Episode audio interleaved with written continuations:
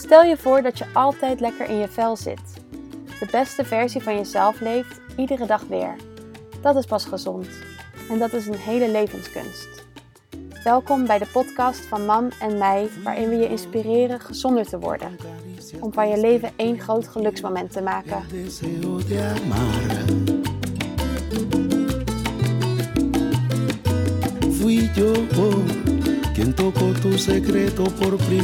y con ternuras ahuyentó tu timidez. Het slechte nieuws is dat we allemaal stress hebben. En dat het eigenlijk lastig is om precies te herkennen of je stress hebt of niet. Maar het goede nieuws is dat we ons dus altijd nog beter kunnen voelen. We hebben het vandaag over hoe je je eigen stress kan herkennen en over FOMO en emotie eten.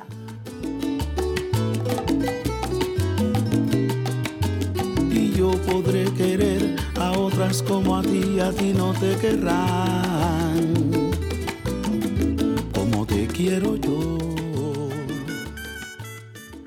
Hey dochter, wat leuk om je weer te zien. Hi, Hi, je ziet er goed uit. dochters eigenlijk. Er zit er hier nog eentje.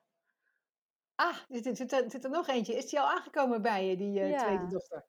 Die is Leuk. net aangekomen. Ja, nou, dat is leuk, want eh dat is aangekomen op jouw boot, waarop je nu weer eh, deze zomer in ieder geval weer eh, woont. En eh dat is de eerste keer voor haar dat ze jouw boot eh, ziet, eh, begreep ik. Dus eh nou, is toch een bijzondere ervaring dat, dat je ook op een boot kan wonen. Ja, de omstandigheden zijn niet ideaal, maar goed. Het is een beetje grijze lucht, veel regen. Maar het is toch wel gezellig om dan in zo'n houten binnenkant van een boot te zitten. Ja, ik eh, kan me voorstellen dat een kopje thee, waar ik altijd weer aan moet denken, of een kopje koffie zo op zo'n boot. En dan zie ik een mooi glas en lood achter je. En eh, ja, dat ook al waait het hard of zo, of is het de donkere luchten, dat dat toch wel een eh, Ja, fijne omstandigheid is.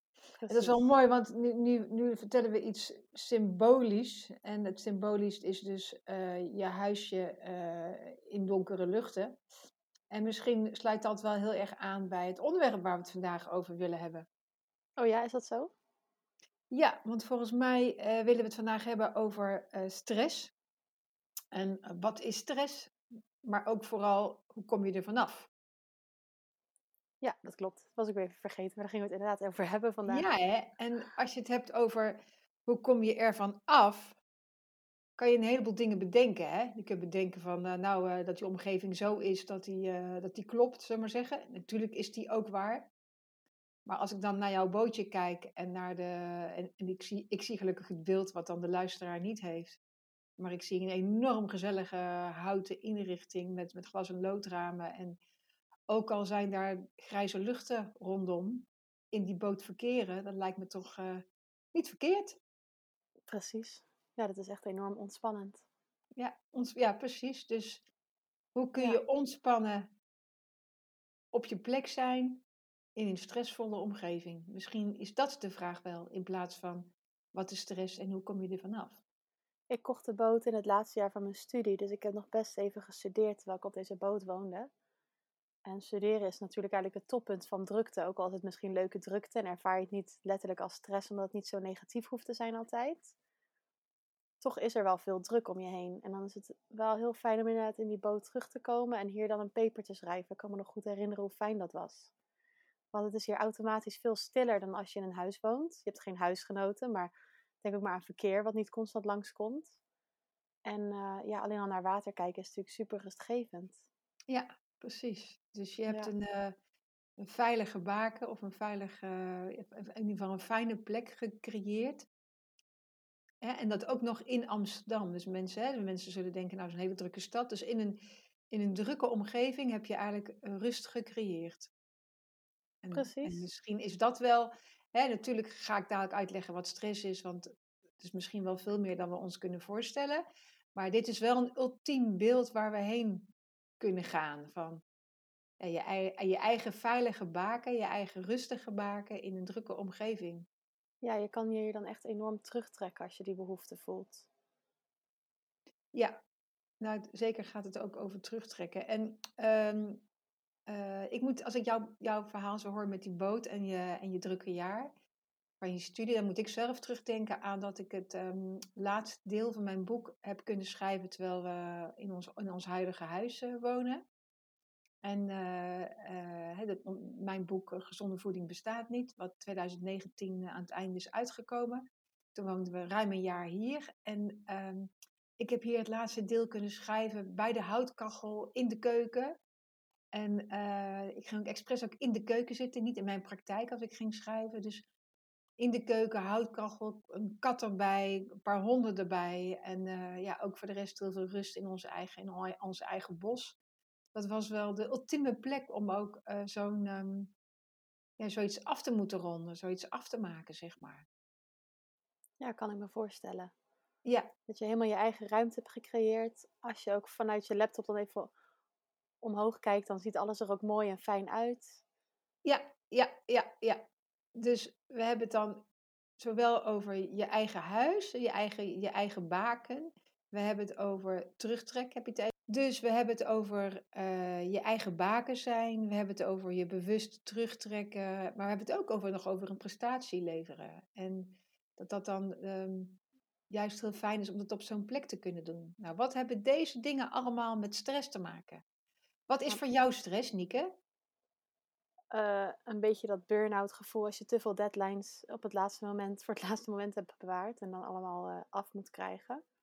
Nou, ik vind het wel mooi dat je gelijk over burn-out gevoel eh, praat. Want ik zat net even op te zoeken op, ehm, eh, op, gewoon op, op, de, op de site van de CBS, van de statistiek van hoe zit dat nu eigenlijk met, met stress? Zijn daar gegevens over bekend? Nou, ik had geen zin om lang te zoeken. Maar wat ik gelijk vond, was dat ehm, de burn-out klachten tussen de 20 en eh, voor leeftijdsgroep tussen de 20 en 30-jarigen ehm, eh, zo enorm groot is. En dat verbaasde me. Ik dacht altijd dat je dan toch minstens 40 zou moeten zijn of zo. Eh, want je denkt, ja, 20 tot 30, dan ben je toch al wel nog in de bloei van je leven. En ehm 40 ook trouwens. Maar goed, 20, 30 denk je, ja, je bent, ik, ben nog, ik ben nog zo jong. Je kunt nog zoveel eh, hebben, zeg maar. Ja, maar er ligt wel ook de druk op je dat je in de bloei van je leven zou moeten zijn. Ja, Dus ik zie bij mezelf en bij mijn vrienden dat we als een soort van eh, kip zonder kop aan het proberen zijn het beste leven mogelijk te leiden. En ook allemaal Ja. dit jaar al. Ja, nou, dat, dat zag ik dus ook op de site. Ik had dat nog niet. Kijk, jij bent natuurlijk een hele aparte dochter om te hebben. Maar je zegt wel, ik merk het aan mezelf. Maar ja, aan de andere kant maak jij zoveel keuzes die zo anders zijn dan anderen. Dat ik dat toch minder aan jou, aan jou zie. Maar ja, ze, ze, ze, het stond letterlijk op de, op de site dat ehm, millennials. En daar ben jij, natuurlijk, eh, ben jij natuurlijk wel net van. 1998. Dat, dat die het inderdaad extreem zwaar hebben. Omdat ze, eh, eh, ja, omdat ze heel veel keuzes kunnen maken. En. ehm, het, het, perfecte plaatje getoond wordt op de social media. Eh, dus ja, dat dat, eh, ja, dat dat zo lastig is. En zelfs, want dit, dit onderzoek ging dan over het jaar 2019, maar in 2020 zou je denken, nou je hoeft veel minder. Je hebt allerlei festivals waar je niet heen hebt kunnen gaan en zo. Dus eh, ik merk zeker ook eh, aan, aan bepaalde cliënten van mij, aan, aan jongeren, dat, ze, dat mensen het minder zwaar hebben. Maar volgens de informatie van deze site kunnen mensen het juist ook zwaarder hebben. En, en juist eerder een burn-out gevoel in, eh, in deze tijden van corona. Dus nou, heb, jij, daar- heb jij daar nog een, bepaalde kijk op? Ja, het doet me wel heel erg denken aan FOMO. Waar Ja. toch iedereen in mijn omgeving last van heeft. Ja. En waarom dan tijdens corona meer burn-out klachten zijn geregistreerd bij het CBS, dat weet ik niet. Maar goed, het is nog niet bekend hè, of, of in dit jaar meer burn-out klachten zijn. Dat is echt de vraag. Er zijn wel mensen die denken dat het zo is. Nou, we zullen zien eh, hoe, de, hoe, hoe, de, hoe de cijfers zijn eh, volgend jaar, als ze over dit jaar gepubliceerd worden. Maar inderdaad, dat FOMO, dat is natuurlijk wel, eh, wel iets wat je enorm in de stresspositie brengt. Wat is, wat is stress dan? Ja, stress is dus blijkbaar ook als je met veel plezier aan een paper zit. Want blijkbaar heb je het dus wel nodig om in een fijne omgeving te zitten, anders voel je dat. Ja. Dus is dan je paper schrijven, ook al is het fantastisch en leuk, toch ook een soort van... Stress is dan eerder misschien een bepaalde druk op jezelf leggen, negatief of positief.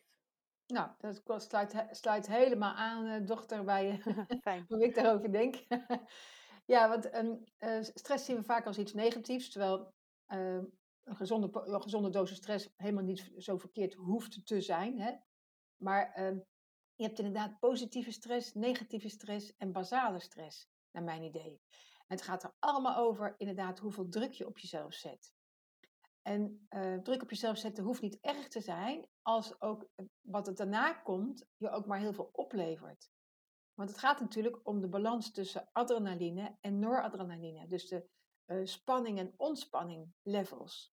Wat gebeurt er als je daar geen ontspanning in hebt? Dan betekent het dat, die, dat, die, um, dat de stress op de, dus de druk, je moet zomaar, op, je, op jezelf, maar ook op je organen, uh, dat het geen ontspanningsgolf kent, alleen maar de spanningsgolf. En dan, ja, je raakt er ook steeds meer aan gewend. Vaak, vaak, vaak, vaak weten we niet eens dat we, dat we stress hebben. Um, het klinkt raar als ik dat zo zeg. Hè? Vaak weten we niet eens dat we stress hebben. Vind je dat logisch? Uh, dus het kan druk leggen op je organen. En wat kan er dan mee gebeuren als je eigenlijk verslaafd wordt aan alleen maar adrenaline en niet de, dat andere stofje wat je noemde? Wat ja. gebeurt er dan uiteindelijk? Ja, er komen, kijk, er, er, er komen tijdelijk stresshormonen vrij, maar als je langdurige stress uh, krijgt, komen er, komen er weer andere stresshormonen vrij. Denk aan cortisol, kent, kent ook bijna iedereen, die kent die namen wel, hè? En cortisol, als dat vrijkomt, dan vraagt dat eigenlijk weer om het eten van zout en vet. Dus dan induceer je je eigen uh, stress eten ook nog eens. Dus je hebt dan, hè, dus je hebt dan in feite dat je, dat je je stress eten weer induceert. Dus dan eet je weer meer zout en vet. Maar ja, door zout en vet ga je ook weer niet gezonder voelen en weer eerder in de stress terechtkomen. Dus het lijkt een kortdurende oplossing te geven. Ha, lekker een pizza met kaas. Maar ja, als je dat blijft doen of je eet te veel, dan kan dat je ook weer in de cirkel van stress brengen. Hè? Dus, dus dat is ingewikkeld. Nou ja, en uh, druk op, je, uh, op jezelf zetten en stresshormonen is één ding. Maar volgens de Chinese geneeskunde en de Ayurvedische geneeskunde zet je dan ook stress op je organen. Waardoor ja, langzaamaan de kwaliteit van, je, of van het functioneren van die organen achteruit kunnen gaan. Ja, en je organen hebben natuurlijk ook weer invloed. Als het slecht gaat met je darmen of slecht gaat met een orgaan, is dat ook vaak weer gelinkt aan bepaalde emoties die je dan opeens kunt krijgen. Of misschien wel last van je hoofd of last van je rug. Toch? Dat zo zien? Volgens de Chinese geneeskunde zeker wel. Hè? Dus de Chinese en de Ayurvedische geneeskunde zeker wel. In het Westen denken we er wat meer um, gespleten over, wou ik zeggen. Hè, hebben, we, hebben, we, hebben we wel dat, we, dat er steeds meer stressklachten uh, bestaan, dat we die herkennen en kennen. Hè? En dan heb ik het met name over dat soort klachten, dat wat een verzamelvat zou kunnen zijn. Dus vermoeidheid, ja, je hebt 110 redenen om je vermoeid te kunnen voelen. Dat kan een, een goede activiteit zijn, maar dat kan ook nergens van zijn. En waarom ben je dan moe? Dus ik noem het dan energie weglekken. Uh, maar uh, hoofdpijnen bijvoorbeeld, buikpijnen. Er zijn heel veel klachten, maar rug is met name ook een, um, een, een, ja, een deel van je lichaam waar heel erg veel klachten tot uiting kunnen komen. Wat een, alleen maar een mentaal-emotionele lading zou kunnen hebben.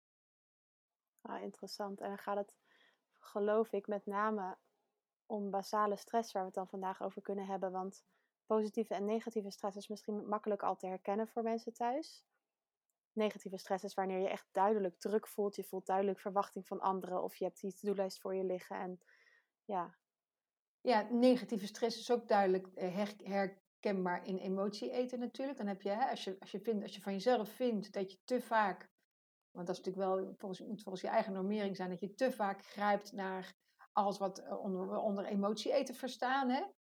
Uh, dus, dus dat kan, uh, dat, dat, daar kan je alle negatieve stress aan herkennen. Maar ook bijvoorbeeld als je te vaak geïrriteerd bent. Of chagrijnig. Of um, ja, en dan positieve stress? En positieve stress, ja, dat, dat, vond, ik, dat vond ik toch, uh, toen ik het zelf ontdekte, best een eye-opener. Want ja, ik ben nou eenmaal een, uh, een, spontaan mens en ik heb altijd leuke nieuwe plannen. Nou, die heb jij, heb jij natuurlijk ook uh, heb je natuurlijk niet van een vreemde meegekregen. En, dus ik heb heel, heel vaak wel leuke ideeën. maar je kunt, ja, je kunt zo hyper zijn van de leuke ideeën. Als je echt hyper bent, dan snap je hem wel, hè? dan snap je wel van, oké, ik zit echt te chits op mijn stoel, kan mijn benen niet stilhouden, want ik heb zin om iets leuks te doen. Dus als het ware, als een klein kind op je stoel op en neer te wippen, ze maar zeggen. Dat is, ook, dat is ook stress. En dat hoeft dus niet verkeerd te zijn, want het kan iets heel positiefs in gang brengen. Uh, maar het wordt nog, moet nog wel verteerd worden door je lichaam. Het is wel goed om daarbij stil te staan. Dat je lichaam daarvoor. We, kunnen, hè, we kunnen denken, nou, we hebben een positief plan. Denk aan een kind dat naar de speeltuin gaat. Leuk. Hè, dat is toch alleen maar leuk, zou je denken. Nou, is dat voor heel veel kinderen die gevoelig zijn helemaal niet alleen maar leuk. Maar laten we het even ophouden dat het alleen maar leuk is. Dan nog, en het is heel goed als die daar ook gaan spelen. Want dan gebruiken ze in die speeltuin ook dat lichaam. Waardoor die stress weer door het lichaam ver- verwerkt kan worden. Hè? Zouden ze zich heel erg verheugen op die speeltuin en zouden ze daar ineens eh, niet meer naartoe gaan, dan heb je dus iets anders nodig om dat lichaam te gaan gebruiken. Want anders kan, kan die stress niet afgevoerd worden. Want we hebben ons lichaam niet voor niks. Dus als we, eh, heel veel mensen die, die, die, die, die eh, reisverkeer hebben van werk naar huis, die zullen herkennen dat ze dat heel, vaak heel fijn vinden. Want op weg naar huis kun je je werk laten zakken. En als je thuis bent, dan ben je weer tot rust gekomen. Hè? Dus, en onbewust hebben ze dan dat lichaam gebruikt, ook al zit het alleen maar in, in de auto, bij wijze van spreken, hè? eh, om, dat, om, dat, om die stress weer af te voeren. Maar om om te schakelen. Om om te schakelen. Ja, de stress kan eigenlijk als heel positief ervaren worden voor veel mensen. Enerzijds omdat je dus een soort van verslaafd aan adrenaline kan raken. Dus het geeft je een prettig gevoel om maar door te gaan en je to-do-lijst af te werken en meer en meer erbij te doen. Of dus inderdaad echt positieve stress, regelrecht. Heel veel zin hebben in iets. En het wordt dus pas negatief als je gaat snappen dat bepaalde klachten misschien wel voortkomen uit die stress die je steeds op je systeem zet. Ja, en dat is het ingewikkelde van dit verhaal. Want kijk, als je een klacht hebt, dan wil je nog wel, dan ben je nog wel echt gemotiveerd om van die stress af te komen. Want ja, als mensen bij mij van stress afkomen, dan eh, laat ik ze dus niet alleen relativeren, maar ik laat ze dus echt een meer ontspannen levenshouding voelen en krijgen. Maar wat gebeurt er dan? Dan eh, ervaar je minder dat eh, yes, we do, die, die hele vibe, die hele, dat hele ehm, ja, waar, je ook, waar je ook weer van gaat lopen, zullen we maar zeggen. Dus het hele, waar je jezelf onbewust mee opjut, als het ware, zeg maar. Dat ervaren ze dan ook minder. Want het is een balans die je hebt en die balans die wordt rustiger. Nou, een rustiger balans, daar hebben we zin in als we, als we ons vaak gestrest voelen. Of als we klachten hebben waar we van af willen. Ehm, maar als je dat nou eh, veel minder hebt, ja, wat, wat is dan het mooie van... Ja, wat, wat is dan het mooie van gezonder worden, wil ik eigenlijk zeggen. Ja, geen idee. Want nu denk ik alleen maar, ja, dan mis je inderdaad wel een soort van die high of dat hele grote excitement. Die ga je dan wel Ja, missen. Ja, die ga je je dan wel balans wordt. Dus, dus wat krijg je er dan voor terug? Want ja, eh, je moet er wel iets voor terugkrijgen natuurlijk. Ik heb dus dit jaar voor het eerst heel weinig stress ervaren. En dan stress niet echt in een negatieve zin. Eh, ook de stress die me veel positieve gevoelens gaf, ook op de universiteit. Dus dat mis ik ook echt wel. Maar toch is het ook heel verslavend om constant zo ontspannen te zijn. En wat, wat is dan de verslaving daarvan? Wat Nou, voel je dan? hm, ik ben bijvoorbeeld heel veel gewicht kwijtgeraakt. Dan kan ik alleen maar dan daaraan ophangen. Ik ben niet per se gezonder gaan eten of heel veel meer gaan sporten of zo. Mhm. Dus dat Ben je, je bent wel meer gaan bewegen, toch? Doordat je bent gaan surfen, of niet? Ja, maar ik bewoog ook altijd best wel veel toen ik hier woonde hoor. En Ah, ja, studeerde ging ik altijd wel hardlopen en dat soort dingen. Dus dat kan het ook niet zijn. En eh, ja, ik heb ook het gevoel alsof ik gewoon meer... Ja, ik zit lekkerder in mijn vel. Maar eigenlijk kan ik niet echt verzinnen wat nou dat leuke adrenalinegevoel heeft ver- Nee, vervangen. precies. Ja, je, ik, ik hoor je lekker in je vel, maar dat vind, dat vind ik ook zo verzamelvat. Ook voor iedereen anders natuurlijk. Want ja, als je gewend bent aan je lekker zelf en zelf lekker opzwepen, kan je dat ook lekker in je vel vinden voelen. Dus dat is best een ingewikkeld, ingewikkeld begrip. Ik hoor je wel het woord ontspanning gebruiken. Kun je daar nog wat meer over zeggen? Wat is dat dan? Ik voel heel veel rust in mijn lichaam. Ja, Het is alsof ik ook iets dichter bij mezelf sta of zo. Lastig om uit te leggen. ja, Maar eh, ik overzie alles makkelijker. Ik heb meer ruimte voor als er een, eh, opeens een verandering optreedt in een plan. Want ik maak überhaupt minder plannen. mhm. Dus alles verloopt een stuk rustiger. En alsof ik er ook meer, meer ben. Met twee benen op de grond sta. ja, En ook meer kan zien wat er om me heen gebeurt. Dat gevoel. ja. Dus ontspannen, meer kunnen zien, ehm, een stootje kunnen hebben eigenlijk, zeg je eigenlijk. Hè? Want ik kan, kan, wel wat, eh, kan wel wat hebben en dan, nou ja, dan reageer ik daarop. Dus Ja, want ik heb toch het gevoel alsof ik uit een soort van molentje ben gestapt. Zo'n hamstermolentje. ja, die Dus eh, Ja, wat gebeurt er dan? Ja, dan zie je opeens de wereld om je heen een stuk beter. Ja, Zo'n gevoel. ja, Ik kan het niet helemaal kijken. omschrijven. Ja, ik snap het. Je kunt meer kijken. En, eh, en dat zeg ik ook eigenlijk altijd van, ehm, als je echt meer gaat, eh, meer gaat ontspannen, dan ga je meer leven beleven. Dat is eigenlijk wat je nu zegt. Meer leven beleven. Maar eh, wat ik ook zeg, en ik vind het wel mooi dat je dat voorbeeld pakt van dat hamstertje in die, in die, in die molen. Want dat vind ik een van de meest sprekende voorbeelden als je, mm, als je echt over duurzaam gezonder worden hebt of over een innerlijke rust hebt. Eh, dat je eigenlijk, ja, eerst rende je maar rond omdat je dacht dat dat moest om, uh, omdat je dacht dat die molen draaiende gehouden moest worden. Ik noem het maar. Of omdat je het natuurlijk leuk vond. Of omdat je het leuk vond. Ja, dat is het ingewikkelde. Vinden we het leuk? Of denken we dat we het leuk vinden? Of zijn we het gewend? Zijn we het gewend om het leuk te vinden? Ik weet wel, toen ik, als ik vroeger zo'n molentje zag met zo'n hamster erin, dacht ik echt dat die hamster het leuk vond om in die molen te rennen. Misschien vindt hij het ook wel leuk. Ja, weet ik eigenlijk niet. Maar, en, en daarom is, ga ik er straks al tegen jou, als je eenmaal klachten krijgt, dan snap je wel dat je iets anders wil. Dan snap je wel dat je ergens, ergens meer gezondheid vandaan moet halen. En wat is gezondheid dan? Maar als je geen klachten hebt, hoe weet je? Nou, dan kan je jouw woorden van lekker in je vel, ontspanning en uh, dat je wel uh, ja, meer een stootje kunt hebben. Dus ik noem het maar stabielig of zo. Hè? Dat je meer kunt kijken. Maar ja, ik noem het ook maar leven en beleven. Of lekker best... doorgaan en goed blijven voelen of het echt is wat je wil. Want misschien heb je er ook nog nooit eerder bij stilgestaan. Nee, precies. En ook, dus misschien heb je er ook nooit eerder bij stilgestaan dat je eigenlijk bepaalde, met bepaalde klachten rondloopt. En dat dit wel eens de oorzaak zou kunnen zijn. Ja, precies. Want um, uh, ik, ik had bijvoorbeeld van de week een cliënt en die zei: Ik heb heel lang hoofdpijn uh, gehad. Maar die was zich dat eigenlijk, want ik, ik, heb, ik had die klacht niet eerder gehoord van haar. Ze kwam met hele andere klachten binnen. En um, uh, op een gegeven moment zei ik van ja, ik heb hier een supplement voor je, dat is tegen hoofdpijn. Maar ja, daar heb je geen last van. Hè? Ja, ja, eigenlijk wel. Ik zeg, hu, ik heb je toch al heel vaak hier gezien. En die vraag heb ik nog nooit eerder voorbij zien komen. Nee, zei ze, maar ja, die andere klachten waren veel belangrijker. En ja, ik heb het eigenlijk al een hele tijd. Maar ja, ja, ja, het hoorde zo bij wie ik ben. Ik ben dat gewend. Dus ja, dus dat is het ingewikkelde van dingen gewend zijn.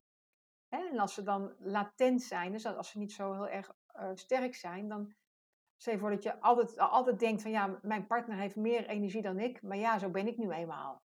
Dat kan hè?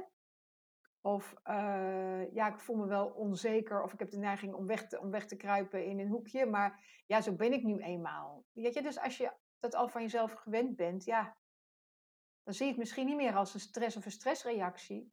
Dan ben je het gewoon. Nou, nu hoor ik ook iets anders wat jij dus onder stress gaat, namelijk onzekerheid. Ja. Dus bepaalde gevoelens of emoties. Dat ja, is ook zeker. stress dus. Ja, dat is, dat is wat mij betreft. Nou weet je, onzekerheid is een, uh, kan een hele mooie eigenschap zijn als je daar vrede mee hebt. Ik ben nog steeds een um, uh, onzeker mens of mens met... Um, dat ik altijd heel goed kijk voordat ik, voordat, ja, weet ik veel, soms twijfel ik zeg maar, hè? Dus, dus onzeker en twijfel. Nou, die horen bij mij, maar ik zie het als een hele mooie eigenschap, omdat ik daardoor ook heel erg open ben en kijk voor wat, naar wat voor mogelijkheden er allemaal zijn.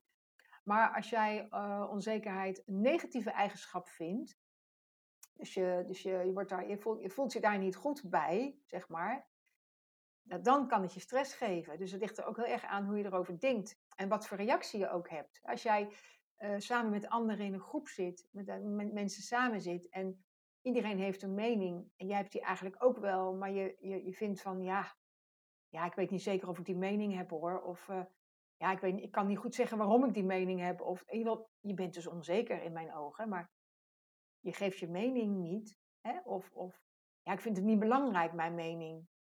Is dat dan stress? Of is dat dan, ja, wat is dat dan?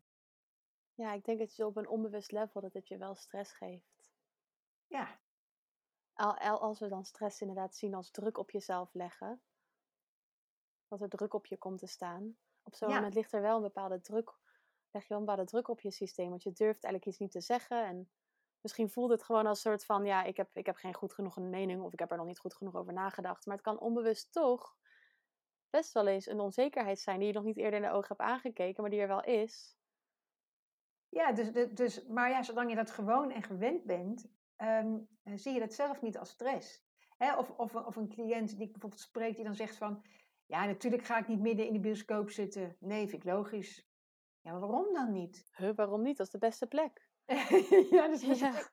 Nou ja, eh, eh, eh, een jaar later vroeg ik het weer. Toen ging hij dus wel, ging hij dus wel in het midden zitten. Toen was hij verbaasd waarom, ik- waarom hij dat niet zou doen. En toen snapte hij inderdaad, toen ik doorvroeg... Oh ja, dat deed ik een jaar geleden nog, niet. Waarom deed het ook alweer niet? Ja, eh, te opvallend. Of ehm, ja, ik voelde me dan toch niet prettig. Ik vind dat gewoon geen prettige plek. Ja, of gaf het je stress? Snap je? Dus stress her- herkennen we heel vaak niet. Het is echt een ingewikkeld begrip. En dan kunnen we wel zeggen, ja, het is druk op jezelf zetten, maar dat hoef je dus ook niet eens te herkennen. Stel je voor dat je zegt, ja, ik heb wel, als vrouw zijnde dan, ik heb een jurk in mijn kast hangen, maar ik trek hem niet aan. Ja, waarom niet? Ja, staat me niet, hè, jurken. Ja, staat me niet, jurken. Vind jij dat? Vindt je omgeving dat? En waarom vind je dat dan? Dan vind je die gedachte al zo gewoon, dan weet je niet meer dat het stress geeft. Dus En nu hebben we het dus over basale stress. De derde Dat- vorm van stress. dat is eigenlijk eh, Namelijk stress die we gewoon zijn geworden, of altijd eigenlijk al gewoon zijn geweest sinds we ons kunnen herinneren. Ja. Stress in de breedste zin van het woord. Die we eigenlijk nog helemaal op het spoor moeten komen, de meeste mensen dan. Ja, die wil helemaal nog op het spoor moeten komen. Dus, eh, en, en ik geloof niet dat, eh, dat, dat, ja, ik geloof niet dat, dat die mensen zich snel aangetrokken voelen door het begrip je kunt nog gezonder worden of je kunt je gezonder voelen. Ja, ik weet niet, maar dat zou heel leuk zijn, want dan heb ik helemaal een hele grote doelgroep. Maar ja, dat is best ingewikkeld. Terwijl als je zegt van heb ik fysieke klachten, of ik voel me te vaak onzeker, of ik heb faalangst, of eh, ik heb het gevoel dat ik zoveel moet geven en te weinig ontvang, of Ja, dan Ja. wil je wel op zoek naar de oorzaak. dan wil je wel op zoek naar de oorzaak. Want dan heb Dus je echt ergens last van. Dan heb je ergens last van. Maar Ja. stress is dus veel breder dan, dan eh, dat. Ja, want bijvoorbeeld, ik hou echt van momentjes van emotie eten. En dat doe ik ook best wel vaak. Mhm. Soms wel dagelijks. Als ik heel, een heel drukke dag heb, dus niet. Want dan ben ik constant out en about. Dus dan niet. Eh, maar ja, ik doe dat best vaak. Maar ik geniet daar ook zo enorm van. En ik heb nog geen klachten ontwikkeld dan waar ik echt last van heb. En waardoor ik er iets mee zou willen. Maar ik ben dus best wel benieuwd waar dat nou vandaan komt. Want zoals ik al zei, ik leef zo'n rustig leven. Ik denk constant na over waar ik op dit moment zin in heb. Er is ook ruimte voor.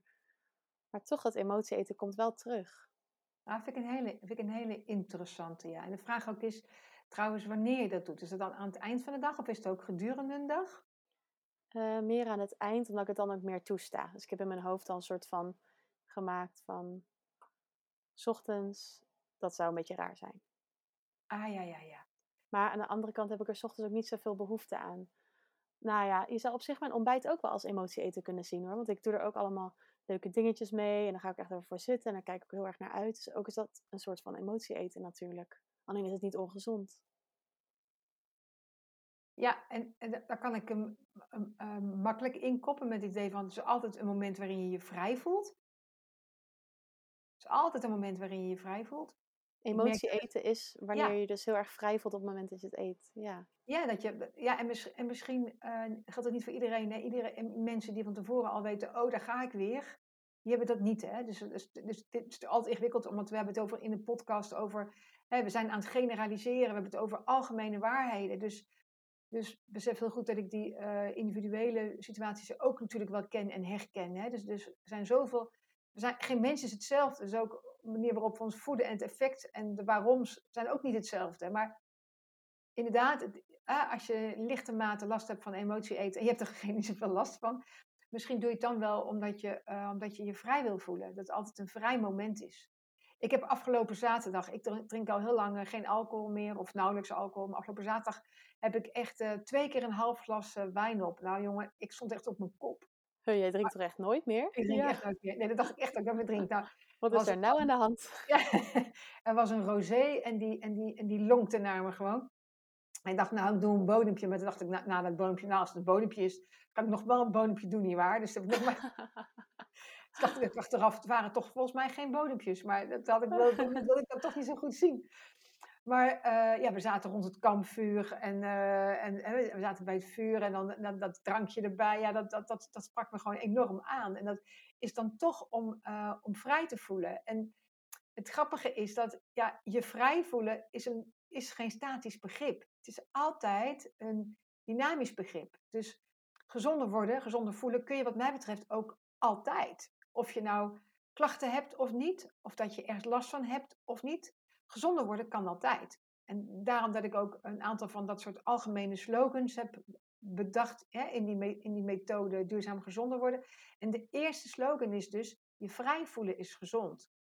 En ehm, je kunt je altijd vrijer, vrijer willen voelen. Dat kan je ook op, ze, op je 85ste. Hè? Mijn, mijn, mijn, vader, jouw opa, die net in een, in een chalet is gaan wonen. En die het echt super naar zijn zin heeft. Want hij heeft voor zijn gevoel nu nog meer vrijheid om zich heen. Uh, en een eigen tuin en zo. Dus ja, die heeft een enorme zet, ge, zet gemaakt. Of een stap gezet in, um, in zich nog gezonder voelen.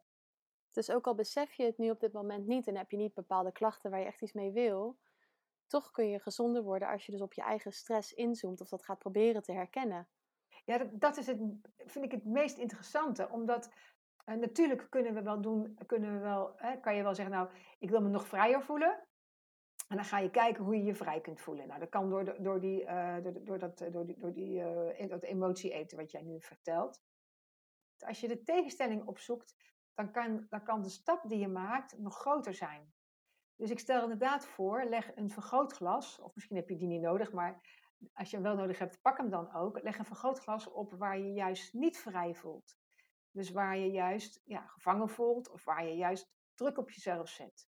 En probeer hem te herkennen. In die zin zie ik gezonder worden echt als een bolletje vol met allerlei draadjes die eruit hangen. En je kunt verschillende draadjes pakken. Je kunt alleen trekken aan het draadje je geïnspireerd voelen of je vrij voelen. Ja, dat kan. Maar als je ook het draadje pakt, hé, wanneer voel ik me niet vrij? Wanneer voel ik me gevangen of zet ik mezelf onder druk? Of ook al is het nog maar een klein ehm, eh, deel van je leven waarin je dat doet, ja, kan je nog meer opleveren, omdat je de tegenstelling pakt. En dat is ook wel interessant om te gaan kijken, om te ontdekken eigenlijk wat voor klachten of wat voor bepaalde dingen in je lichaam daar dan mee gepaard gaan.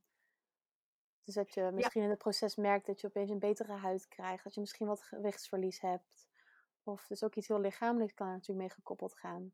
Ja, er kan zeker iets lichamelijks mee, eh, mee gekoppeld gaan. En uh, op weg daar, daar naartoe kun je sowieso al, uh, als je bewuster wordt van je ademhaling, dan, uh, dan ga je ook zien wanneer je die druk op jezelf zet. Want als je die, die, druk op jezelf zet, ga je altijd hoger ademhalen dan kan die ademhaling minder naar je, uh, naar je buik toe gaan. Maar daarom dat buikklachten of maagklachten ook heel erg verbonden zijn aan druk op jezelf zetten. Want je gaat te hoog ademen. Die adem kan daar niet komen. Mijn geluksmoment afgelopen week was dat ik eindelijk weer, soms na een jaar is het wel geweest bij sommige mensen, al mijn vrienden weer heb gezien. Ja, en ook de relaties van sommige vrienden heb gezien die ik nog nooit had ontmoet. En dat was geweldig. Het was echt. Het was zo fijn in een jaar dat ik toch zonder vrienden heb doorgebracht. Met alleen Martin en mezelf. Wat ook heel leuk was. Maar ja, de, de waarde van een echte vriendschap, dat is enorm. Gaaf hè? En die heeft Martin heeft hij bijvoorbeeld al niet meer, omdat hij al zo lang aan het reizen is. Ja. ja. Dus die kijkt er soms ook naar met een kleine jaloezie of interesse. Maar dat heb ik echt, uh, daar heb ik zo van genoten de afgelopen week. En ik merk nu wel opeens, nu ik even die vergrootglas in mijn achterhoofd steeds meeneem, dat vanuit daar toch mijn emotie eten is begonnen. En inderdaad, als ik dan emotie eet, voel ik me vrij en heb ik ook die zin in mijn hoofd van nu even een momentje voor mezelf.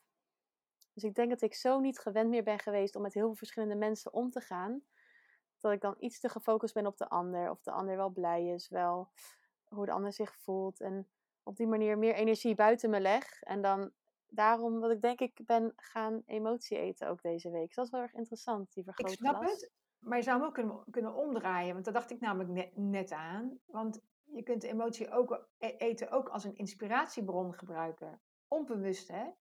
Dus stel je voor dat jij in Nederland komt, naar je boot gaat, boodschappen doet en eindelijk weer dat kunt kopen wat je al lang hebt gemist, van dingen die je niet in Amerika kunt krijgen. Je komt in je boot aan met al die boodschappen. En je begint met het emotie eten, zeg wij spreken. Hè, van, oh ja, nu lekker dit ontbijt of deze lunch of dit hapje tussendoor.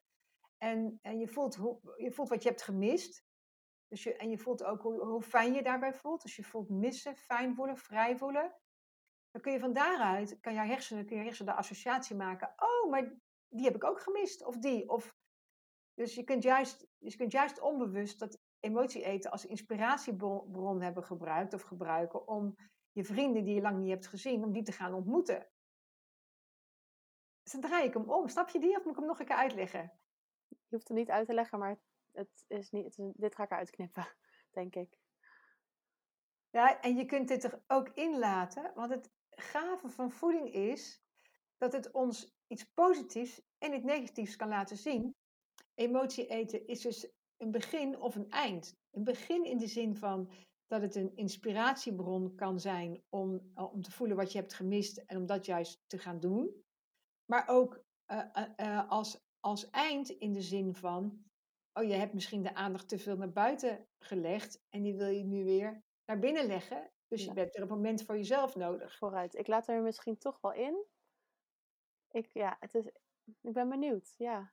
Ik vind het zelf een beetje, een beetje een lastige omdenker. Ja, voeding is echt razend ingewikkeld. En, en dat brengt je dus uiteindelijk, als je er geen last van hebt dan, hè, want anders wel, maar geen last hebt, uh, dat het niet goed of dat het niet fout is.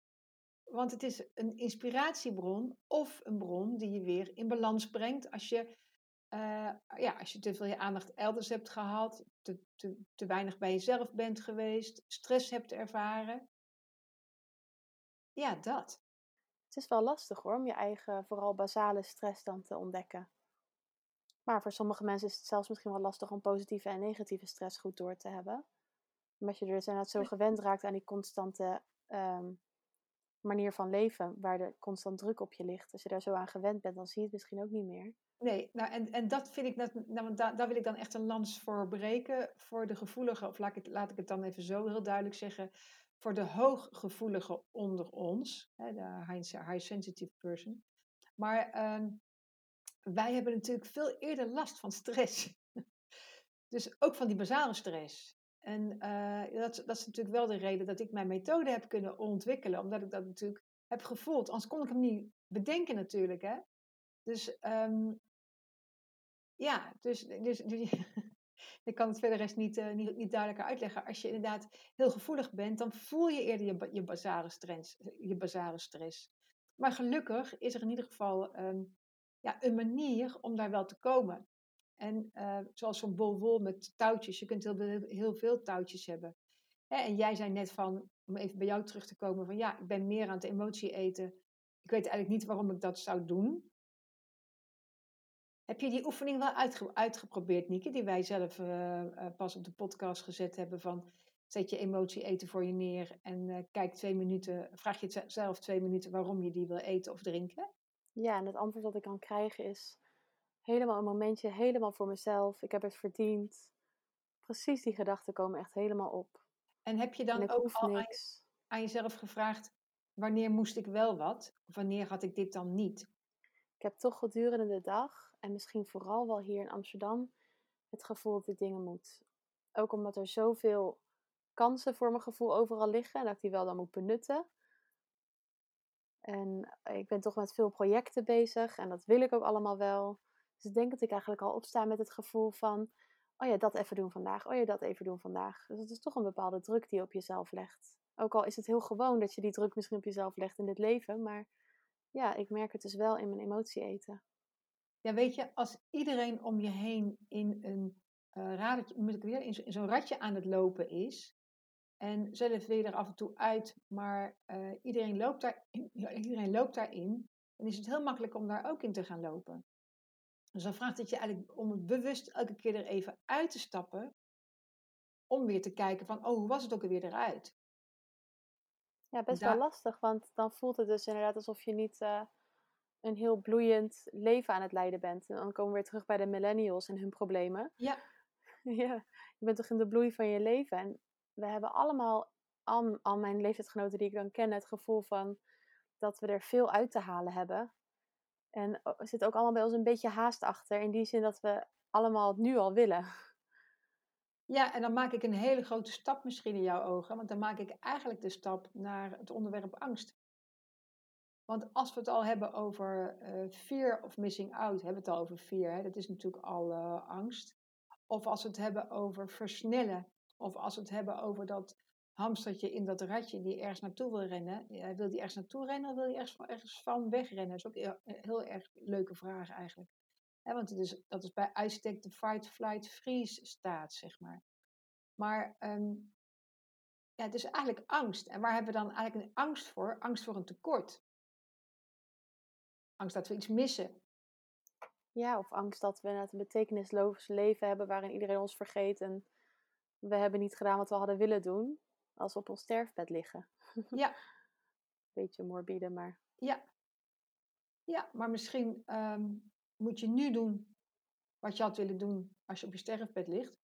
En dat geeft je dus stress, want dan krijg je fear of missing out. eh, Ah, het ja. gevoel dat je achter de feiten aanloopt, dat er kansen liggen, maar die moeten wel gepakt worden, en het liefst ook vandaag. Iedereen die je vertelt hoeveel potentie we allemaal hebben, en ja, moet je nog wel waarmaken allemaal. Ja, is leuk, maar eh, als je echt bewust gaat voelen. Stel je voor dat er een feestje is waar je, waar je dat FOMO-gevoel hebt en je gaat naar het feestje toe. En je neemt bewust waar. Is dit wat ik wil? Is dat dan wat je wil?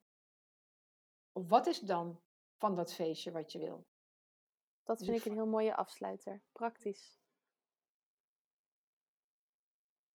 Ja. Ja, angst is natuurlijk de meest eh, stressende factor misschien wel. En ook het meest onzichtbaar, want angst, dan denken we meteen aan iets heel groots en heftigs, maar het zijn ook kleine dingetjes. Hele kleine dingetjes. En het is iets wat ik meestal niet noem, omdat het zo'n groot iets is. Maar het omgekeerde van angst, ik heb het net over tegenstellingen gehad, en het omgekeerde van angst is liefde. Dus als je angst gaat herkennen, ga je liefde ook beter herkennen. Dat zullen we nog wel eens zien. Dat klinkt een beetje spiriwiri, maar ik zou het wel heel graag willen geloven, want het klinkt leuk. Dat klinkt leuk, toch? Nou, dan geef ik je in ieder geval als, als tip mee. Kijk op je, op, op je FOMO-activiteit. eh, voel eigenlijk liever op je FOMO-activiteit of dit echt is wat je niet wil missen. Maar ook wat je dan niet zou willen missen. En dan gaat het ook altijd om een gevoel. Dan, als je een gevoel te pakken krijgt, dan weet je ook welk gevoel je wilt vergroten. Welke diepe innerlijke behoefte er eigenlijk is die je meer wil hebben. Wat was jouw geluksmoment van vandaag of de laatste week? Het geluksmoment is eigenlijk nog steeds om me heen kijken dat ik woon waar ik woon. Ik zat vanmorgen op het bankje eh, buiten eh, mijn ontbijt te eten. En ik keek zo naar de bomen om me heen. En ja, ik vind het toch elke keer weer indrukwekkend hoe intens die natuur is. Hoe, hoe mooi de bomen zijn. Eh, het is natuurlijk nu net zomer. En hoe groen het is. En ehm, met mijn hond die dan aan mijn voeten ligt. Ja, dat, dat is echt... En dan kijk ik zo uit over de, over de velden. Ja, dit is echt... ik startte eigenlijk al vanmorgen met, met mijn geluksmoment. Nou, voor degenen die FOMO niet herkennen, is dit een mooie afsluiter.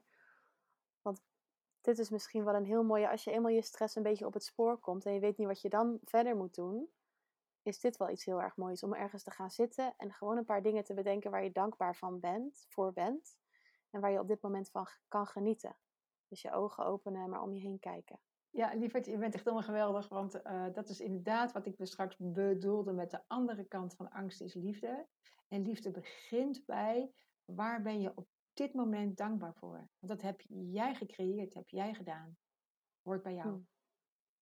Nou man, tot volgende week. Tot volgende week. Dankjewel, lieverd. Dag! Y yo podré querer a otras como a ti, a ti no te querrán. Quiero yo.